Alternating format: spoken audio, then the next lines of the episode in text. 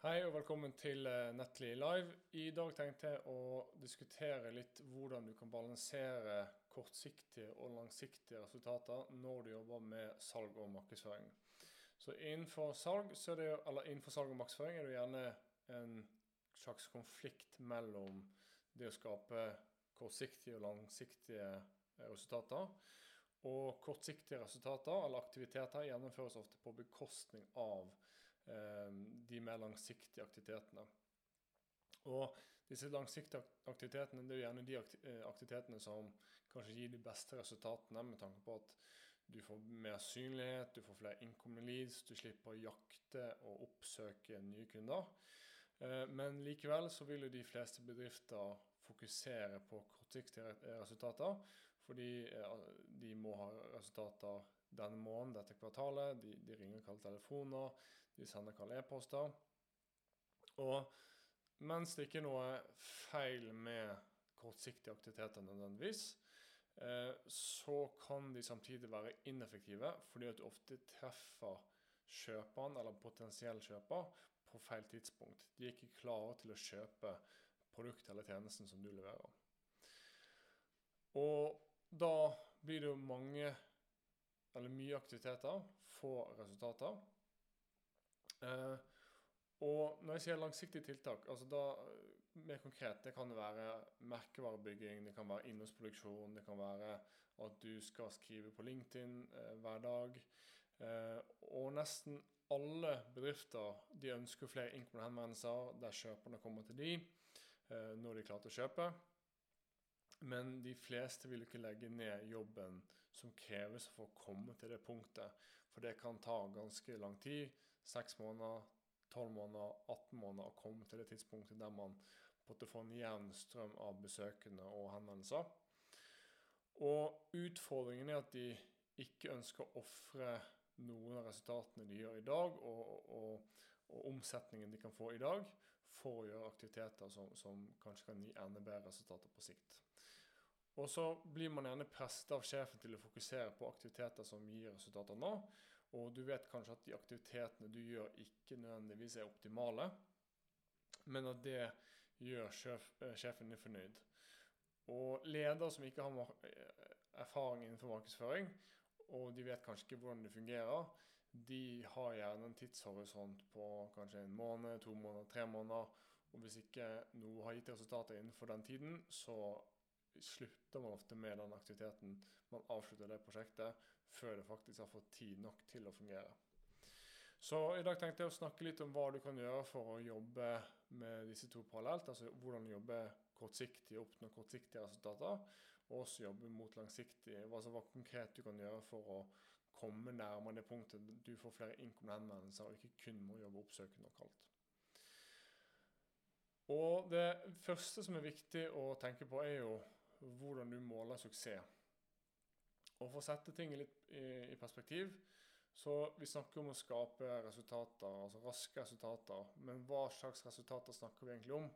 Fordi at det er fint mulig å ringe mange og booke 50 møter, eller få 100 nedlastinger av en e-bok.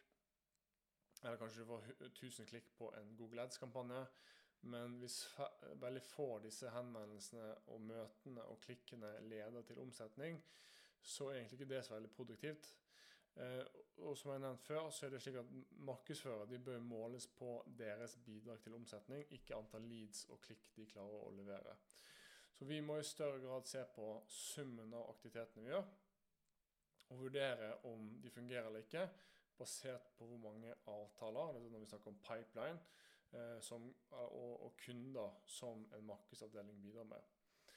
Og Jeg snakker så mye om at du ikke bør fokusere for mye på eh, leads. fordi Hvis du f.eks. legger ut e-bøker for å generere leads, så vil du se at mange av disse kontaktene ikke konverterer til salg. Og I dag foretrekker kjøpere eh, selvbetjening når de kjøper produkter og tjenester. De ønsker å finne fram til informasjon på egen hånd. Men utfordringen for bedrifter i dag er jo det at mange av aktivitetene som fungerer best, altså innlegg på LinkedIn, podcast, YouTube, det kan være vanskelig å måle i et analyseverktøy som eh, Google Analytics eller HubSpot. Så du kan skrive på LinkedIn i flere måneder og publisere verdifulle artikler, eh, legge ut videoer på YouTube, og så ser du kanskje ikke noen umiddelbare resultater. Men hvis kanskje noen titalls personer innenfor din målgruppe konsumerer den informasjonen, og de, de innenfor din målgruppe de følger med over tid, og den dagen de har behovet for hva enn det du tilbyr, så vil de komme til deg først. Så Det er derfor viktig å ikke ta beslutninger for tidlig basert på feil datagrunnlag. Fordi at ok, kanskje du fikk 50 leads eller 100 leads, men hva om veldig få av de leadsene konverterer til salg? Så du kan selvfølgelig se på altså det vi kaller for ledende indikatorer. Trafikkvisninger, nedlastninger, for å se om innholdet blir konsumert. Men det viktigste er omsetning. Eh, og markedsføring trenger tross alt tid, litt tid for å fungere. Så vil jeg også oppfordre bedrifter til å tenke mer kvalitet fremfor kvantitet. Altså jeg tror mange selger og markedsfører de bruker tiden sin på um, kanskje feil type selskaper, og de kunne brukt den tiden mer effektivt hvis de hadde snevret inn på hvilke selskaper som faktisk har høy sannsynlighet for å kjøpe. Så veldig ofte så kommuniserer vi med selskaper som kanskje ikke har budsjettet, som ikke er noe god match for produktene eller tjenestene vi selger, men bare fordi at vi skal ha så og så mange aktiviteter og så og så mange leads, så, så, så, begynner vi å kommunisere med personer som er på måte utenfor vår mål, eh, målgruppe. Og kanskje ikke betalingsviljen er der, kanskje du må robotere det du selger. Eh, kanskje de ikke er lønnsomme hvis du leverer et prosjekt til dem. Og selv, når det er sagt, så er det, sånn, det er ikke gitt at flere leads og møter gir flere salg. Og det jeg vil anbefale, er jo å se i ditt CRM-system og analysere hvem dine beste kunder er. Og hva kjennetegner de beste kundene? Altså hva er omsetningen? Hvor lønnsomme var de? Eh, hvor, eh, hvor, er de lokalisert i verden? Er de regionalt, er de nasjonalt, er det eh, internasjonalt? Antall ansatte, bransjer Det er veldig mange faktorer som vi ikke har tid til å gå inn på i dag, men som du kan eh, se, se, på. Og så kan du prøve å finne selskaper som ligner på dine beste kunder. Så det er bedre å bruke mye tid på 100-200 selskaper som har høy sannsynlig for å kjøpe, enn å ringe til 500 eller 1000 som, som er helt irrelevante. Og da tror jeg det at du kan fri opp tiden din til å eh, si, bruke det på mer produktive aktiviteter. Det neste punktet er at salg og markedsføring det begynner å overlappe mer og mer. Og Jeg snakket jo nettopp om at man kan bruke mer tid på mer produktive aktiviteter. Og jeg veldig Eh, jeg har veldig stor tro på det at selgere som blir bedre markedsførere, de kommer til å lykkes veldig bra de neste årene. Eh, faktum er det at selgere blir i større grad ignorert. Vi sender flere og flere e-poster, men eh, beslutningstagere de responderer med å ignorere mange av disse forsøkene på å komme i kontakt. Mange av aktivitetene som selger gjør i dag, de blir automatisert. Så f.eks. Eh, prospektering det begynner å bli eh, i større grad eh, automatisert enn noen gang før. Så hva skjer når selger i større grad blir ignorert, og kjerneoppgavene som de gjør, at de blir automatisert eh, mer og mer over tid. Det som selger har, er at de er mye kunnskap om produktet eller tjenesten de selger. Og samtidig så er ikke oppmerksomheten til kjøpere rettet mot at de sitter og venter på en telefon eller en kald e-post de, de, bruker tiden sin på LinkedIn, på YouTube, eh, i kanskje det er intern chat f.eks. Og da er spørsmålet hvordan en selger kan, kan si, komme foran en person eh, i deres målgruppe eh, som har sin oppmerksomhet rettet mot disse kanalene. Og jeg mener det at en selger bør bruke deler av dagen sin på å produsere innhold for eh, f.eks. LinkedIn. Så hvis du knytter kontakt med 500-1000 personer som er innenfor din målgruppe på LinkedIn, eh, du legger ut faglig gode innlegg eh, som er relevant og verdifullt for den målgruppen. Det kan være tekst, det kan være video. Så det er ingen tvil om at disse personene, disse 500-1000 personene, at hvis har sett disse innleggene over tid, så vil det være høyere sannsynlighet for når de har behovet, så vil det, det være langt enklere, eller langt lavere terskel for at de kommer til deg. De, tenk, de, kommer til å tenke på deg først når de har et behov. Eh, så hvis du får tid til å bruke, hvis du, du kan bruke mindre tid på ineffektive tiltak, og bruke den tiden du har fridd, eh, fridd opp til å lage innhold, enten om det er YouTube eller LinkedIn, så tror jeg det kan være eh, en veldig god måte for selger å si, komme i kontakt med potensielle kunder på en litt ny måte. Eh, og det er veldig få selgere som, som tar bruk LinkedIn eller YouTube på en god måte i dag, så der er det en stor mulighet for mange. Og så Siste punktet mitt er at man bør tenke på smart gjenbruk av innhold. Dette er kanskje litt mer på markedsføringssiden. Eh, men en markedsfører er ofte presset til å generere masse leads. Man skal ha leads man skal mate til en selger. Um, og når det kommer til innholdsproduksjon, så er det krevende å lage innhold. Det er, det er en krevende prosess, en tidkrevende prosess som, som, uh, som gjør kanskje at det, du alt, ikke alltid får tenkt langsiktig med tanke på innholdsstrategien. Du skal bare få ut en e-bok, få ut en eller annen brosjyre, og så skal det bare generere leads. Og når en person starter en kjøpsprosess, så leter de etter innhold. Så det er både innhold som er eh, innhold som hjelper en kjøper å ta en kjøpsbeslutning, ta en kvalifisert kjøpsbeslutning.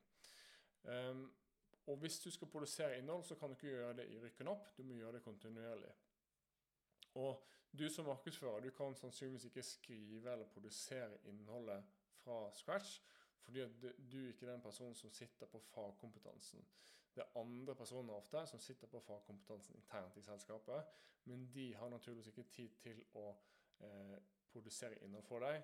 De skal levere på prosjekter, de er rådgivere, de er ledere som ikke har tid til å eh, bruke mye av sin dag på eh, innholdsproduksjon.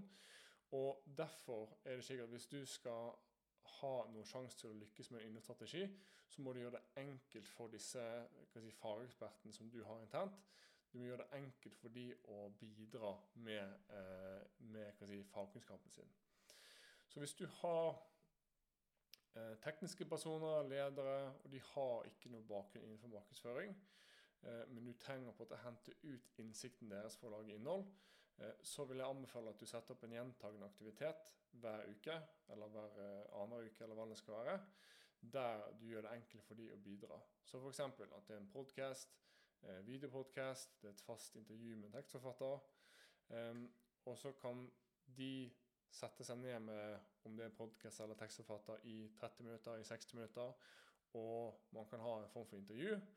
Og hvis man gjør dette til en vane, så bruker den fagpersonen kanskje ja, den bruker maks en time.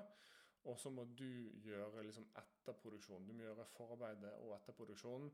Du må redigere podkasten eller redigere artikkelen.